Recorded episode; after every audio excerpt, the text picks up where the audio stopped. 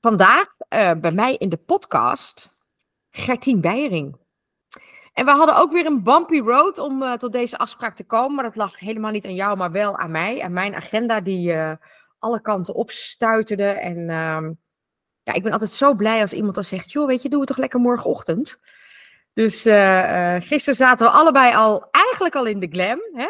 Klaar voor... ik zat er helemaal klaar voor. Ik zat er helemaal klaar voor. En toen zei ik al, ik hoop dat mijn haar morgen weer net zo goed zit. Dus ik ben benieuwd, hoe zit je haar vandaag? Nou, volgens mij ongeveer net als gisteren. Goed zo, goed zo. Stel je eens voor, Gertien. Als ja, je wil. Nou, ja. Mijn naam is, uh, is Gertien Beijering. Uh, woonachtig in Schoonlo. 44, getrouwd met Justin. Uh, twee kinderen. Een, van, een dochter van 13 en een zoon van bijna 11. En uh, ik ben eigenaar van uh, de Gunfactorverhoger. En de Gunfactorverhoger is een uh, loopbaanadviesbureau. Al bijna 17 jaar per 1 januari. Dat is een behoorlijke tijd. Ja, best wel. Best wel. Maar ik wist ook altijd al dat ik ondernemer wilde worden. En ehm, nou ja, toen eigenlijk mijn, mijn werkzame leven daarvoor bij Randstad het maakte dat ik niet meer zo helemaal lekker in mijn vel zat bij Randstad. Uh, toen dacht ik van nou weet je, ik ga eens eventjes kijken uh, of ik ook daadwerkelijk iets voor mezelf kan beginnen. Dus ik heb toen drie maanden sabbatical genomen. En dat was in, in, in, in oktober. Ehm, nou, en ik ben gaan kijken. Je hebt dan toch in één keer een hele andere focus ergens op. En uh, ja, toen kwam ik in contact met de politieacademie. En uh, per 1 januari is mijn uh, sabbatical toen niet ingegaan. Maar ik had direct een ZZP-opdracht bij de politieacademie voor twee jaar. Dus ja, toen was voor mij de keuze om voor mezelf te gaan heel makkelijk gemaakt. Maar kom je dan uit een ondernemersgeslacht dat dat zo makkelijk ging bij jou? Ja, weet je, ik kom zelf uit een agrarisch ondernemersgezin. Uh, mijn ouders die hebben een, uh, of nou, ze zijn nu net uh, met pensioen. Mijn broer heeft de boerderij overgenomen. Maar ehm, ja, ik, ik, kom inderdaad uit een agrarisch ondernemersgezin. met toch wel een vrij grote, grote boerderij. Met een aantal mensen personeel. En ik zag mijn ouders altijd zelfstandig keuzes maken. de dingen kunnen beïnvloeden om je eigen resultaten neer te zetten. En ja, ik had ook altijd voor mezelf zoiets van ja dit wil ik ook. Gewoon die zelfstandigheid, die, die, die, die uh, ja, toch de mogelijkheid om je eigen pad uit te stippelen. En uh, dat niemand mij gaat vertellen hoe ik bepaalde dingen uh, moet doen, binnen wat voor tijdstip en al dat soort zaken.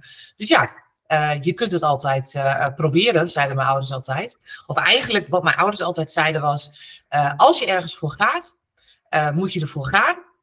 maar moet je wel gaan bekijken wat je kunt beïnvloeden, zodat je het resultaat wat je bereikt, uh, nou, dat het je aanstaat.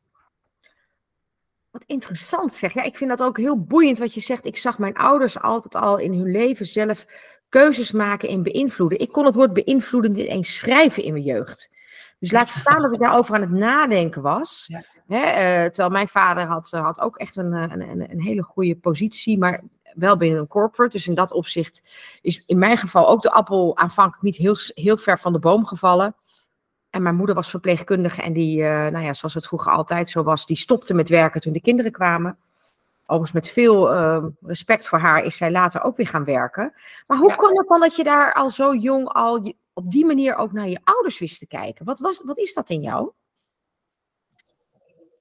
Nou, ik denk dat wij als, uh, zowel mijn broer als, als uh, ik, uh, er altijd ook al bovenop zaten. Kijk, een, een agrarisch bedrijf heb je ehm, eh, nou, met elkaar. is misschien een beetje, een beetje raar, maar ehm, kijk, natuurlijk, mijn ouders die, die, die deden het werk. En mijn broer ook al heel jong. maar als je inderdaad op het bedrijf werkt, op het bedrijf woont met je gezin. Uh, eigenlijk continu het hele proces van, van uh, uh, het, het, het hele leven, het hele werken continu meemaakt. ja, dan wordt er aan de keukentafel van alles besproken, omdat het bedrijf ook de keukentafelgesprekken zijn. Ja, dat is eigenlijk de. MP-tafel, hè? Ja, het is eigenlijk de MT-tafel. Ja. Nou, en je ziet dan dat ehm, eh, hard werken ook eh, eh, beloond wordt met uiteindelijk een heel goed leven. En zowel voor mijn broer als ook voor mij. En ik zeg niet dat als je in loondienst bent geen goed leven hebt, absoluut niet. Maar ik wilde zelf, hè, ik wilde het zelf maakbaar maken. En ik geloof ook heel erg in de maakbaarheid van, ehm, nou ja, de keuzes die je maakt, de maakbaarheid van uh, een loopbaan hè, als, als loopbaanadviseur. En dat maakte toen eigenlijk ook wel, hè, mijn bedrijf heet de gunfactor verhogen. Uh, ik vond het bijvoorbeeld heel erg interessant. Ik ben in 2007 voor mezelf begonnen. Dat was dus in de tijd van de vorige recessie. Vond ik het heel erg interessant om uh, er ook achter te komen. Wat maakt het nou dat de ene organisatie vier rechtop blijft staan en zegt: joh, ik heb eigenlijk helemaal geen last van de recessie. Uh, idem ook met, met sollicitanten, hè? mensen die van de ene baan naar de andere baan hoppen en zeggen van, nou ja, weet je, het gaat allemaal goed, ik heb er geen last van. Ja, en, uh, en andere organisaties en andere uh, sollicitanten zeggen van, nou ja, het ligt aan de buitenwereld, er zijn allerlei factoren die mij dwars zitten.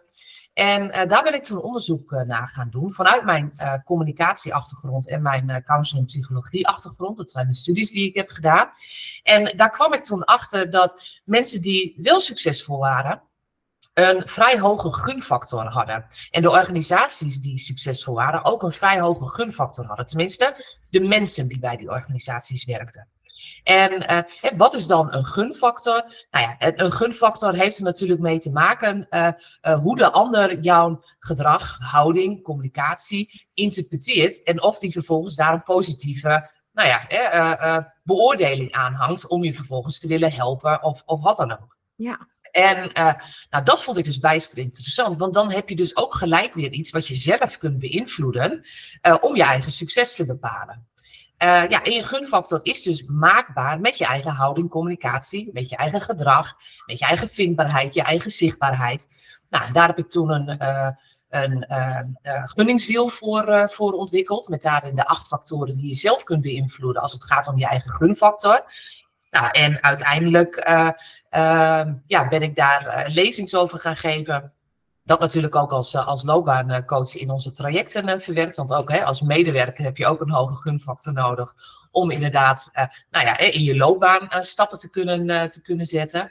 Nou, en toen heb ik daar ook een aantal boeken over, over geschreven de afgelopen decennia.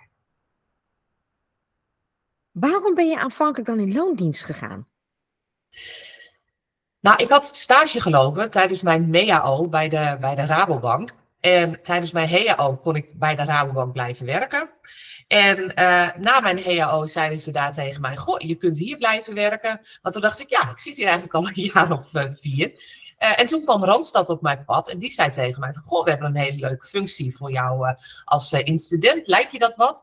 Nou ja, weet je, vier, vier jaar Rabobank. Dacht ik: Nou, ik hier wat anders. Ja. Toen, hè, als 21-jarige. Ja. En um, toen ben ik inderdaad als incident begonnen. Dat heb ik anderhalf jaar gedaan. Want nou ja, na anderhalf jaar had ik dat wel weer zo'n beetje gezien.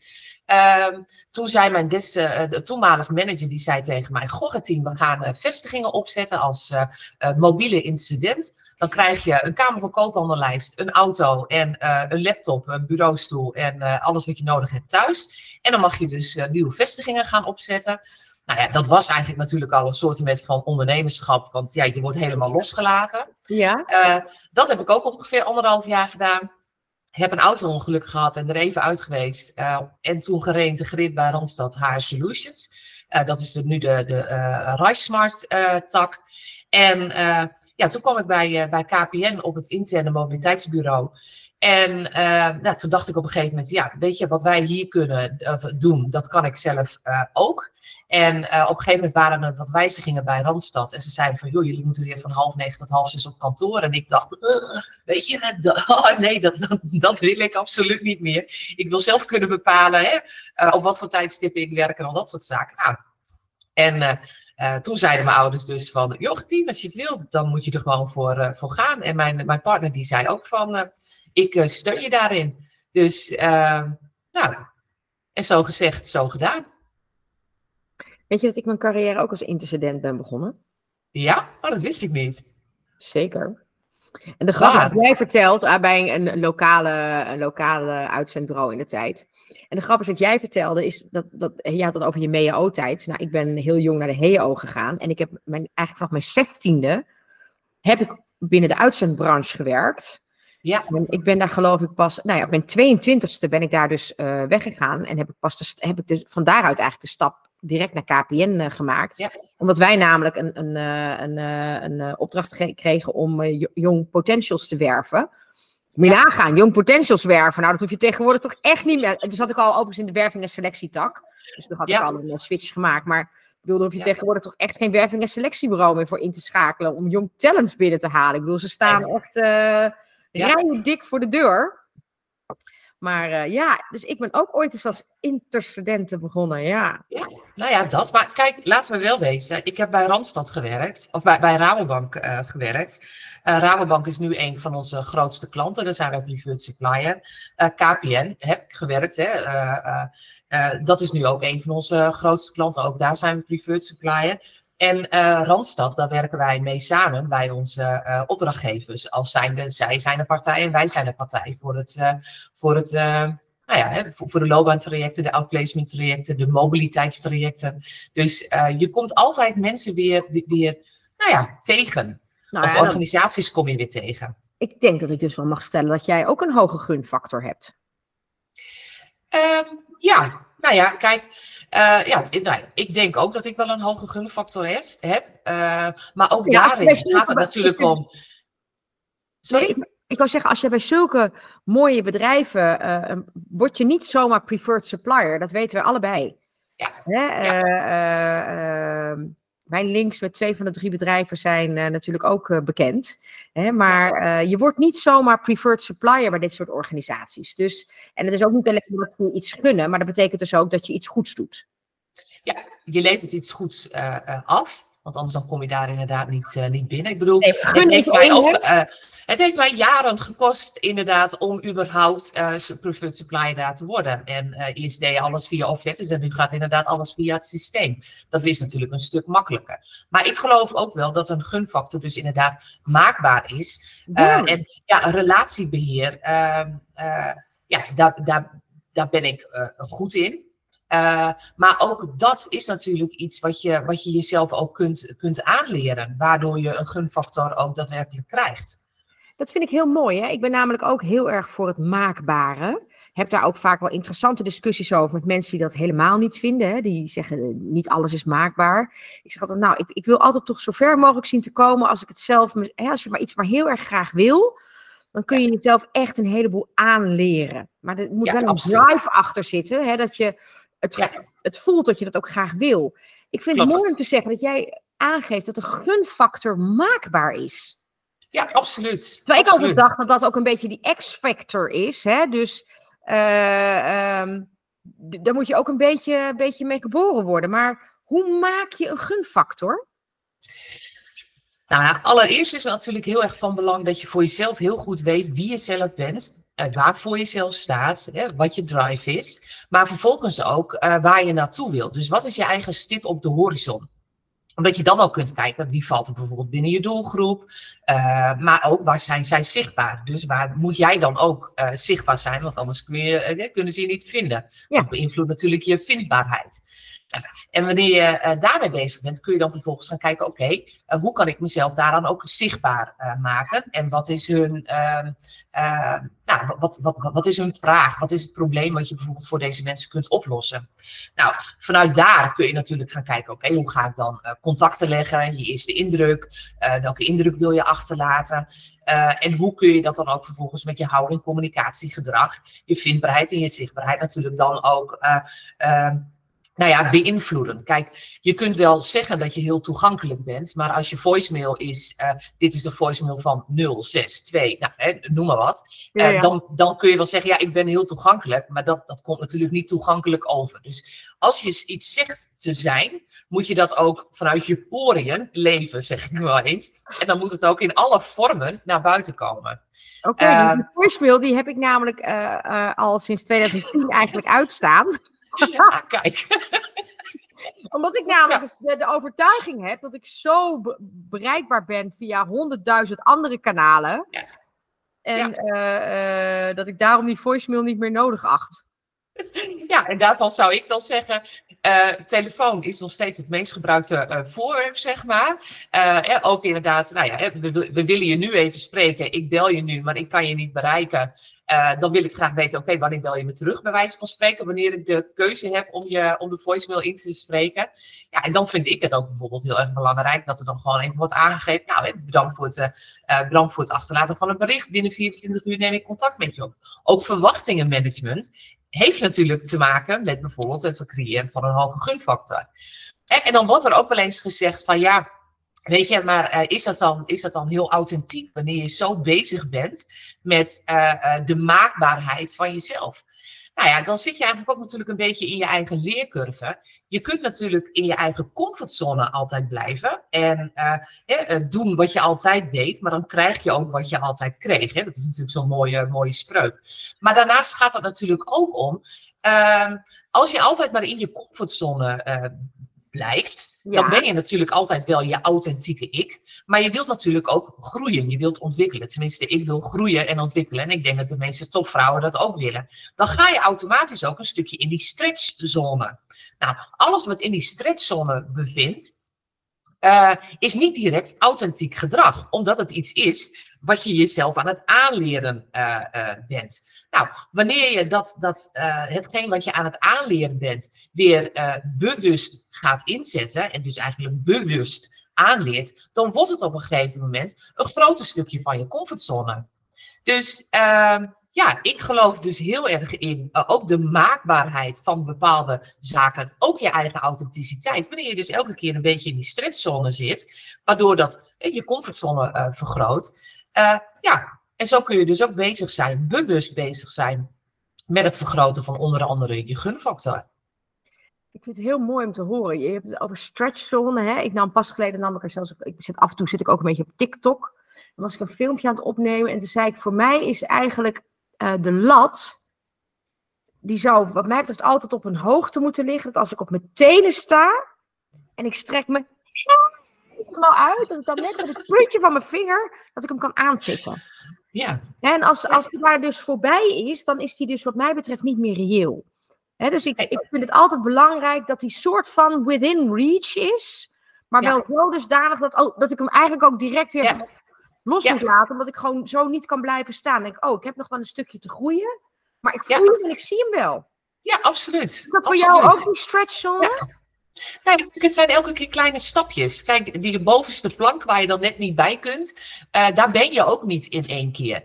Uh, dat zijn ook tussenstapjes waarin je jezelf moet groeien om vervolgens bij die bovenste plank te kunnen. Ja. Uh, en laten we wel wezen, het leven is één ontwikkelfase. Uh, in alles wat je doet. Ik bedoel, ik heb het er ook wel eens over met, uh, met de kinderen. Ik zei, jullie kwamen uh, ook niet met een gebruiksaanwijzing. Hè? Ook het ouderschap is Was natuurlijk... Was het maar zo? Ja, is ook een, gelijk teruggestuurd. ja, klopt. En dan heb je de puberteit en dan is het nog weer anders. Hè? Dus overal is, is je bent continu aan het leren. Het is niet van je bent klaar met je school en, en daar houdt het op. Uh, ik zeg wel eens van, ja, je, je, je bent pas uitgeleerd uh, wanneer je uh, in je, nou ja, in je kist ligt. Ja. Dat zeg ik ook. En het ja, absoluut. Mijn grootmoeder zei vroeger altijd, Annemarie, education permanent. En ik vond haar zo irritant als ze dat zei. dacht ik, joh, ik ben al lang blij als ik straks dat diploma ja. heb en dan nooit meer. klopt. klopt. Ik lijk het meer op er dan ik dacht. Ik lijk er meer op er dan ik dacht, ja. Want ik heb hetzelfde wat jij ook zegt. Dat op de dag dat ik niet meer groei en me niet meer kan ontwikkelen in welke kleine stapjes. Ik geloof heel erg in die 1% methode. Hè. Dus elke dag een heel klein stapje groeien. Geen grote big bang, maar kleine stapjes. En die kleine succesjes die stapelen zich op en die worden uiteindelijk grote successen bij elkaar.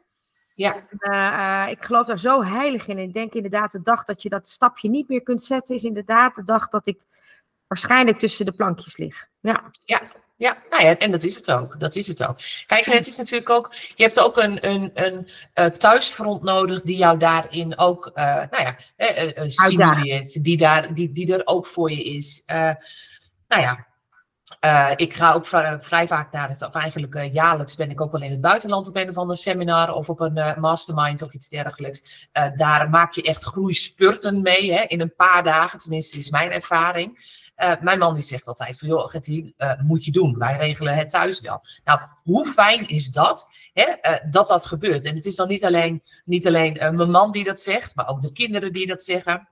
Nog even een leuke anekdote. Vorig jaar was ik op een uh, mastermind van, uh, van Ilko de Boer op, uh, op Curaçao. Nou, ook ongeveer in deze periode. En ik kwam s ochtends terug op mijn zoons verjaardag. Natuurlijk van tevoren met hem al besproken van, goh, weet je, hè, mag dat? Hè? Vind je dat prima dat mama er s ochtends nog niet is? Hè? Maar bij, bij de visites middags is mama, joh, geen probleem. Dus ik kon inderdaad gewoon, gewoon gaan. En hoe fijn is het dan dat als je thuis komt uh, je man alle, heeft gezorgd dat alle drankjes er zijn. Uh, je moeder zorgt voor, uh, voor alle, alle hapjes. En een tante van mij ervoor heeft gezorgd dat alle taart er is. Nou, ook daarin, ondernemerschap is ook een vorm van, van ja, de, de hulp ook aanvaren die je ook soms geboden krijgt. Hè. Je hebt, maar dat is ook, ook jouw gunfactor dus. Het is, het is ook je gunfactor, maar ook, ook stilstaan bij ehm, het dankbaar mogen zijn voor uh, uh, wat je in die tussentijd bij wijze van spreken al hebt opgebouwd. en dat was ook wel een van de lessons die, die wij toen ook van Ilko kregen. Sta ook gewoon eens stil en wees dankbaar voor wat je, wat je hebt. Nou, en ik ben zo ontzettend dankbaar voor waar mijn wieg heeft gestaan. En de mogelijkheden en kansen die mijn ouders hebben geboden. Um, uh, en ik, je merkt, ik word er ook een beetje emotioneel van. Dat maakte ook dat ik ben wie ik ben. Um, en dat maakte ook dat ik kan doen wat ik, wat ik doe. En dat maakte ook dat wij um, uh, kunnen bieden aan onze kinderen weer. Uh, wat wij onze kinderen kunnen, kunnen bieden. Wat fijn om ja. te horen. Ja, weet je, um, ik, ik, je merkt steeds vaker, en dat zul je natuurlijk ook merken met de klanten met wie jij weer werkt, dat, um, ja, waar, waar, je, je geeft ook aan waar je wieg heeft gestaan, dat het toch echt wel heel bepalend is voor hoe je, um, hoe stevig je mag staan. Het, het is een fundament. En eerder dacht ik wel eens, hè, wanneer er werd gezegd van ja, je moet eerst een stevig fundament bouwen. Of als je het fundament niet stevig is, dan moet je zorgen dat hij er is. Um, uh, ik heb nooit echt een stevig fundament hoeven bouwen. Natuurlijk wel toen ik mijn bedrijf opbouwde. Maar ik had al een heel stevig fundament. Ja. Uh, vanuit het feit waar ik ben opgegroeid. Ja. En uh, wat mijn ouders al om mij heen hadden gebouwd. En dat is natuurlijk ook een heel fijn beginpunt. Heeft dat nooit gewankeld? Ik weet bijvoorbeeld bij mij, hè, ik heb ook uh, echt altijd een heel fijn fundament uh, ervaren. Maar ik weet dat toen ik een paar jaar geleden vertrok, dat ik echt wel eventjes uh, dat fundament van mij mocht st stutten. Omdat ik echt het idee. En toevallig nam ik er afgelopen zomer heb ik een podcast erover opgenomen. Dat we vaak denken dat het leggen van een fundament zo ondankbaar is. En dat kwam eigenlijk voort. Wij waren in Italië op vakantie. En wij, hebben, wij huren altijd een, nou ja, een prachtige locatie. En voor ons wordt nu, en ik snap het helemaal, een prachtige villa gebouwd. En ja. uh, dus wij weten ook dat als we volgend jaar daar zitten, dat het uitzicht vele malen minder zal zijn dan dat het nu is.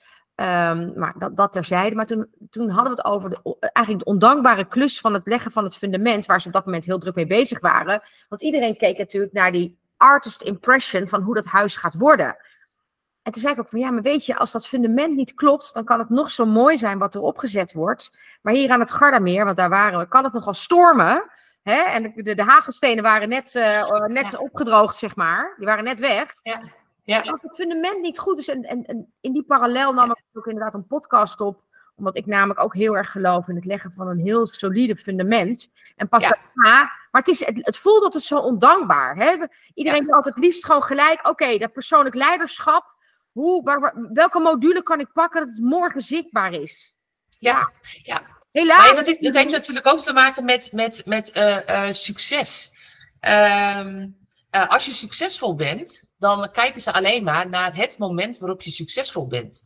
Ja. Um, en nou, mensen die gunnen je dat, dat je succesvol bent, maar je hebt ook mensen die kijken je met argusogen aan. Ja. Um, van, oh, dan kom je misschien wel makkelijk aanwaaien en al dat soort zaken. Maar dan denk ik ook, ja, jullie zien niet wat ik er allemaal voor heb gelaten en nog steeds laat. Uh, om en uiteindelijk, doen. en dan heb je dus over de fundament van je eigen business, de groei van je eigen business en al dat soort zaken. Ja. Wat niet zichtbaar is voor de buitenwereld, maar waar je dus wel knoeterhard voor hebt gewerkt en nog steeds voor aan het werk bent en daardoor dingen laat uh, die wellicht anderen wel doen, maar of je hebt geen tijd, je hebt geen, nou ja, geen zin omdat je al een hele drukke week hebt gehad of uh, wat dan ook. En dat is dus niet zichtbaar. En dat heeft natuurlijk ook wel een beetje weer te maken met het fundament van je, van je business. Maar hè, mijn basisfundament uh, mijn, mijn, mijn, mijn, ja, mijn basisfundament dat staat. Maar laten we wel weten, het fundament van je eigen business is nooit af. Want uh, er zijn altijd veranderingen. En ook die veranderingen, hè, noem het een uitbouw van je huis. Elke uitbouw van je huis heeft ook weer een stevig fundament nodig. Ja, nee, helemaal eens. Bouw jij veel uit in jouw bedrijf? Ik, ik, kijk hier naast mij, want daar ligt mijn uh, mijn nog vrijwel kale planning voor 2024. Ja. En wij, uh, wij hebben uh, in mijn bedrijf nu de, de stelregel dat we niet meer dan één product per jaar lanceren. En dat is niet omdat ik dat nou zo ja. mooi vind, maar anders kan de boel het om me heen niet bijhouden. En begrijpen mijn klanten trouwens ook niet meer. Hè? Maar ik zou niet elke week een nieuw product lanceren. Maar dan word ik, uh, nou ja, ik denk dat dat niet heel erg, hoewel ik dat bij Simone Levy wel heel succesvol zie. Maar uh, uh, niet dat zij elke week iets bedenkt, maar die bedenkt volgens mij aan de lopende band mooie dingen. Hoe werkt dat bij jou? Nou ja, kijk, in basis zijn wij een, een, een, een loopbaanadviesbureau. Uh, ja. En dat betekent dus dat wij mensen, medewerkers, professionals helpen met hun loopbaan en hun ontwikkelvraagstukken. En loopbaan en ontwikkeling is natuurlijk heel erg breed. Hè? Dus het is net maar net wat je eronder onder, ziet vallen. Het is wel een hele mooie vraag. En we zitten natuurlijk samen ook bij, bij een, nou ja, een coach. In, we, hebben, we, zitten, we, kennen elkaar daar ook van.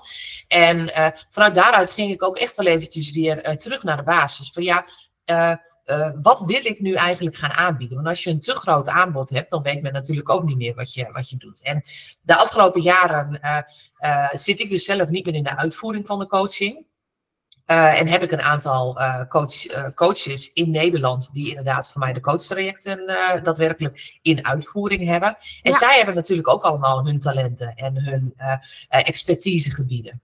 En ook die expertisegebieden zijn op een gegeven moment onderdeel geworden van mijn nou ja, bedrijf. Ja. maar uiteindelijk moet je natuurlijk wel voor jezelf de keuze maken. Het blijft wel steeds mijn bedrijf en waar focus ik me op. En daarvoor hoef ik natuurlijk dan niet specifiek te kijken, ook naar de expertisegebieden van de medewerkers die ik op dit moment uh, heb. En uh, de afgelopen maanden uh, heb ik daar ook echt goed naar gekeken van waar is vraag naar en waar zijn wij nu echt goed in.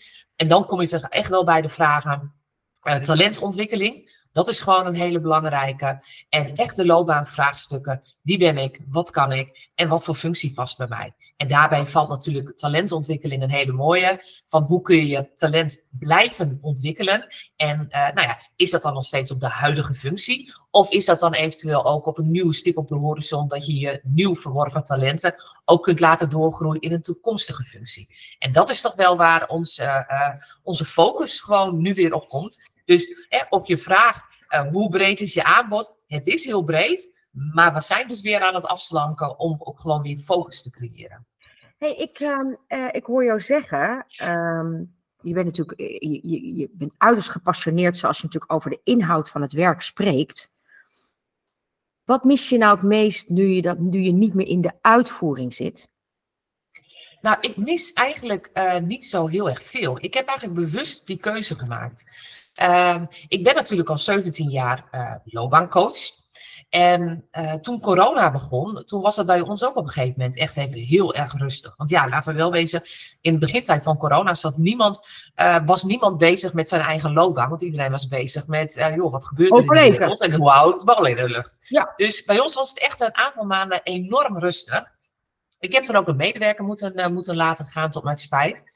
Uh, maar omdat ik ook gewoon geen overzicht had wat dat zou betekenen voor mijn business. Nee. Nou, ik had er natuurlijk gewoon ook uh, een aantal maanden uh, een sabbatical kunnen nemen. Maar ja, dan komt toch mijn ondernemersbloed weer naar boven. Die zegt van, nou weet je, ik, uh, ik ga invloed uitoefenen op hetgeen wat mij nu overkomt. Ehm, ik ga bezig en ik ben toen een online leeromgeving gaan ontwikkelen. Zodat als de corona langere tijd aanbleef, dat wij ook gewoon nou ja, bestaansrecht zouden hebben en ook zouden houden.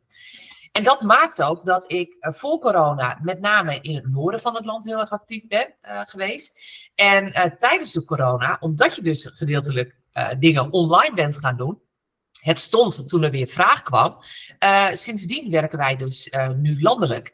En ehm, uh, ik heb natuurlijk communicatie gestudeerd. Nou, marketing, communicatie hoort daarbij. De ondernemerschap, dat zit in mijn bloed, zoals je weet. Ja, ja, uh, ik kreeg zo ontzettend veel voldoening in het ontwikkelen, in de relatiebeheer, in het opzetten, het managen aan de achterkant. Dat ik voor mezelf ook, uh, nou, ook toch gewoon het loopbaanvraagstuk voor mezelf heb behandeld. behandeld. Ja, waar word ik nu op dit moment blij van?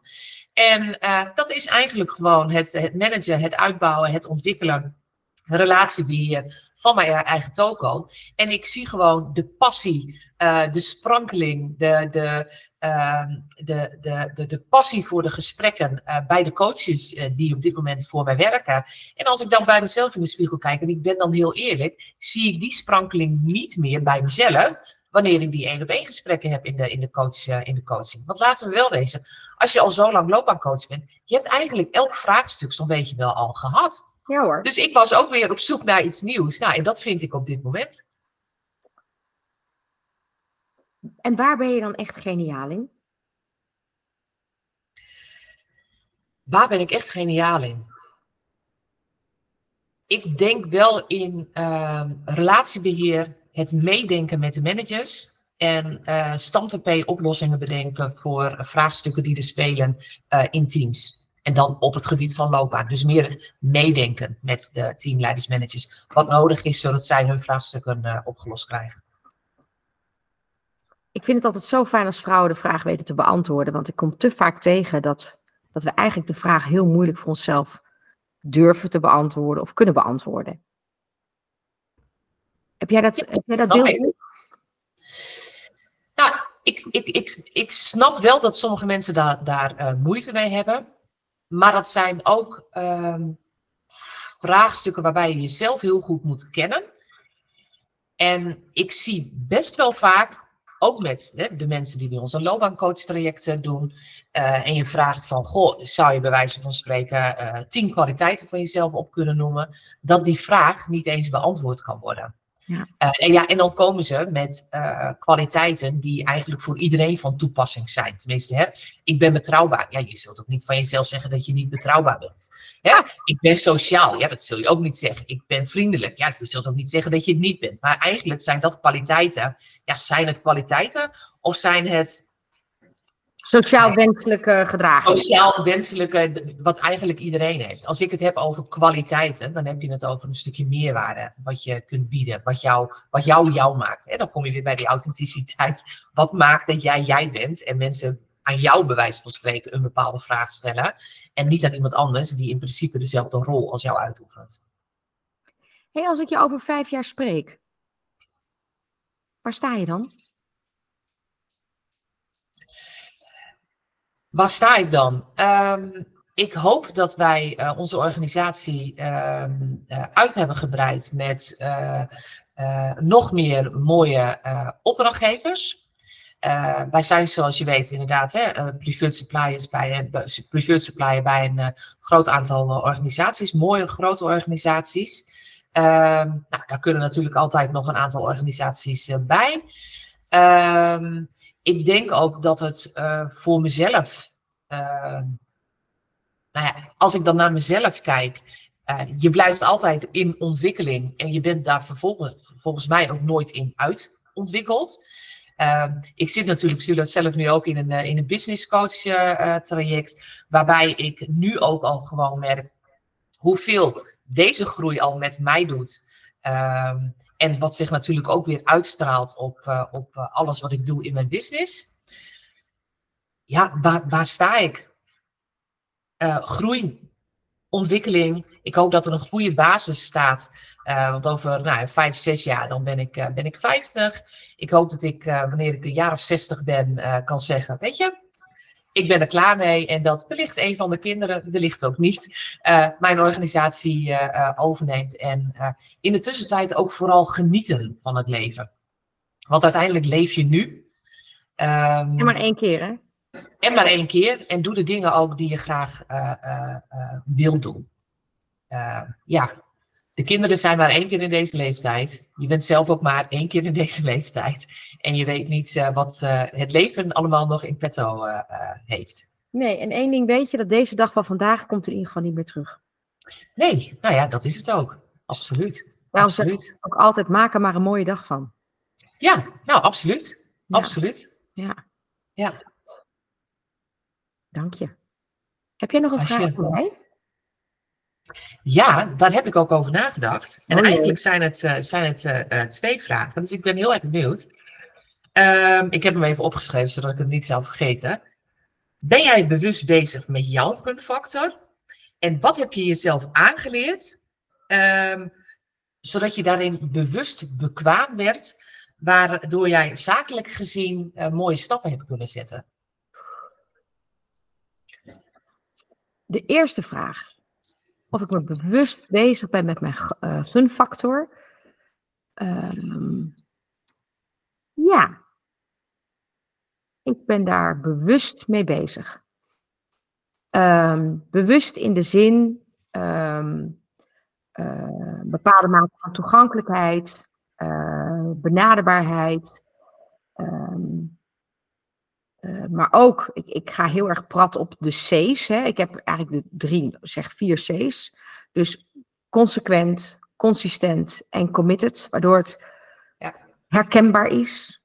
En ja, mooi. Uh, dat vind ik, zijn voor mij, waren echt wel voor mij uh, hele belangrijke vertrekpunten. Toen ik zeg maar ehm, mijn rol in dit bedrijf eigenlijk startte.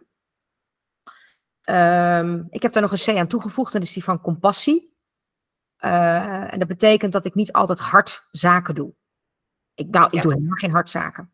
Nee, niet. Ik vind namelijk heel belangrijk. Uh, ik, weet soms dat mijn vrouwen soms lastig zitten. Um, dan heb ik een gesprek met ze en dan willen ze heel graag en daarna kunnen ze zomaar onder de radar verdwijnen. En tegenwoordig heb ik daar heel veel compassie voor. Want ik weet het, alles is oké. Ze komen of wel weer een keer terug, of niet. Ja. En, en, ja. um, dus die compassie, um, die is voor mij echt heel erg belangrijk. Ik ben dus daarom ook heel, ja, ik ben, ook in mijn, uh, in de opdrachten die ik pak voor topvrouwen, ben ik, voeg ik dezelfde vier C's zeg maar altijd toe. Dus dat ja. is voor mij wel echt iets heel belangrijks, waar, waarvan ik verwacht dat het ook echt wel bijdraagt aan, zoals jij noemt, de gunfactor. Ja, zeker. zeker. Ik ben zelf nooit bewust bezig geweest, maar nu je mij de vraag zo stelt, denk ik dat dit wel voor mij in ieder geval belangrijke elementen zijn die daartoe bijdragen. En uh, dus op het eerste deel van je vraag, zou dit mijn antwoord zijn of is dit mijn antwoord? Het tweede deel van je vraag ging over het bewust bekwaam, hè? Ja, welke dingen heb je je bewust bekwaam aangeleerd? Uh, nou ja, zodat dat ook tot resultaten leidt, bedrijfsmatig. Nou, ik ga heel erg aan op bewust bekwaam. En um, het is ook echt een onderdeel van mijn methode. Uh, we hadden het over de mate van zelfvertrouwen. En je, je, vroeg net, je zei, als ik aan, aan, een, aan een klant vraag um, over die, uh, je, je kernkwaliteiten. Um, ik zeg wel eens, we hadden eigenlijk onze sterke eigenschappen en onze kernkwaliteiten nooit naar onbewust bekwaam mogen laten doorschuiven. Want wat ik namelijk merk, is als ik die vraag stel, van goh, waar ben je nou eigenlijk heel goed in? En ik ga dat lijstje maken en die wordt vaak wel veel dieper dan vriendelijk, betrouwbaar en uh, nou ja. Hè. Had ik ook niet anders verwacht. Nee, nee, dus wel, nee, maar dat is echt zoeken, hè, zoeken. En dan hebben we vaak dat lijstje staan en dan kijken ze ernaar en zeggen ze, ja, maar dat is toch iedereen? Ja, ja en dat is niet zo. En dan zeg ik, dat is dus niet zo. En, en daar, dat bedoel ik met het, het onbewust bekwaam kwadrant. Daar mag wat mij betreft alleen maar in zitten tanden poetsen, nou ja, autorijden in zekere mate. Hè. Ik hoop wel dat je daar nog enig bewustzijn mee hebt. Maar ik, ik vind het eigenlijk dingen die je echt automatiseert, die mag je maar allemaal lekker in onbewust bekwaam doen. Hè. Dus dat je niet overal heel erg over na hoeft te denken. Ja. Maar dingen die jouzelf aangaan, jouw kwaliteiten, daar mag je wat mij betreft 24/7 echt heel bewust van zijn. En dat heb ik mezelf echt moeten aanleren. Want toen ik begon als ondernemer, ik zeg altijd op links zit bij mij mijn kritische stem. En op rechts zit bij mij uh, mijn zelfverzekerde Annemarie. En de balans tussen die twee, die was echt wel ver te zoeken. Deze, die tetterde om het hardst. En deze was eigenlijk heel laag. En doordat ik dit weer voor mezelf ben gaan voeden met de, dus mijn sterke eigenschappen, mijn eigen genialiteit, mijn kernkwaliteiten en die ook heel nadrukkelijk heb teruggehaald naar bewust bekwaam, ben ik daar elke dag mee bezig. En dit is ook exact, dus ik vind het ook heel gaaf hoe jij, ik hoor je in de podcast ook het woord bewust heel vaak noemen. Dit is ook misschien wel het belangrijkste wat ik altijd wil zeggen. Wees je nou toch zo bewust van je eigen potentieel. Klopt. Hè, van je eigen genialiteit. En dat is niet om arrogant te worden. Want dan houdt je kritische stem wel, eh, die houdt de balans daar wel in. Ja. Um, maar wel om ervoor te zorgen dat we niet in alles altijd zo onzeker zijn. En dat we gewoon, nou, als je jezelf nou gewoon de hele tijd door ook bewijs mag geven van zie je wel, dit kan ik gewoon, hier ben ik gewoon heel Ja. goed in. En dat je jezelf gewoon bewust kunt zijn van de maakbaarheid van heel veel dingen. En Zeker, Ja, ja. zeker. Dus dit heb ik mezelf ehm, echt mogen aanleren. Dat datgene ehm, wat voor mij ook allemaal in onbewust bekwaam zat, dat ik dat echt gewoon terug mocht halen en ehm, af mocht stoffen. En eigenlijk ook wel naar mocht kijken en denken, oh, best een heel aardig lijstje. Ja, Sterker nog, ik geloof niet dat iedereen dit heeft. En dat dit inderdaad maakt waarin ik authentiek ben, uniek ben, aangevuld met mijn vier C's. mooi. Heel mooi. Dank je. Jij bedankt. Is dit antwoord op jouw vraag? Ja, prima. Heel goed. en Heel ik vond goed. het leuk, want je zei natuurlijk van tevoren, ik weet zeker, jij gaat die vraag stellen of ik mezelf topvrouw vind. Ja, De grap is namelijk dat ik die tegenwoordig helemaal niet meer stel, maar ik maak voor jou wel de uitzondering. ja. Nou, ik heb er ook even over nagedacht. En ehm, kijk, het ligt er natuurlijk geheel aan eh, eh, wat je eh, als definitie onder topvrouw ziet. En ik denk dat er heel veel definities van topvrouw zijn. Maar als de definitie is, eh, een topvrouw is iemand die het zakelijk gezien goed voor elkaar heeft, dan is mijn antwoord ja. Ik ben een topvrouw. Nou, daar kunnen wij nog een hele nieuwe podcast over opnemen, want ik heb nog een hele andere definitie daarbij. Maar die doen we lekker voor deel 2. Maar ik vind het wel ongelooflijk fijn om te voelen hoe jij inderdaad in je topvrouwpotentieel staat. Dank je.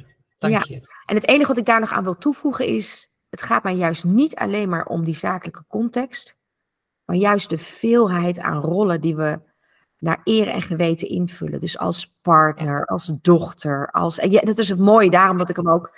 Ik heb jouw hele podcast namelijk gehoord over de vele rollen die jij vervult. Als zus, eh, eh, als, als manager, als baas, als opdrachtgever, als opdrachtnemer. En het is voor mij juist het, het totaal aan rollen die je probeert met verven in te vullen, waarbij je Ja. hopelijk jezelf niet op de laatste plaats zet, maar op de eerste plaats, zodat je juist al die rollen met de juiste energie kunt vervullen. Nou ja, kijk, en daar gaat het natuurlijk altijd om. Als je niet goed voor jezelf zorgt, kun je ook niet goed voor je omgeving zorgen. En eh, nou ja, wat ik ook inderdaad in de podcast ook noemde, eh, je hebt ook een omgeving nodig die je stimuleert en die het ook mogelijk maakt eh, dat je de dingen doet die je doet. En dat je kunt doen wat je kunt doen. Maar daarin ook de onafhankelijkheid kunnen hebben om die keuzes te maken, is heel belangrijk. Amen. Absoluut. Dankjewel. Jij bedankt.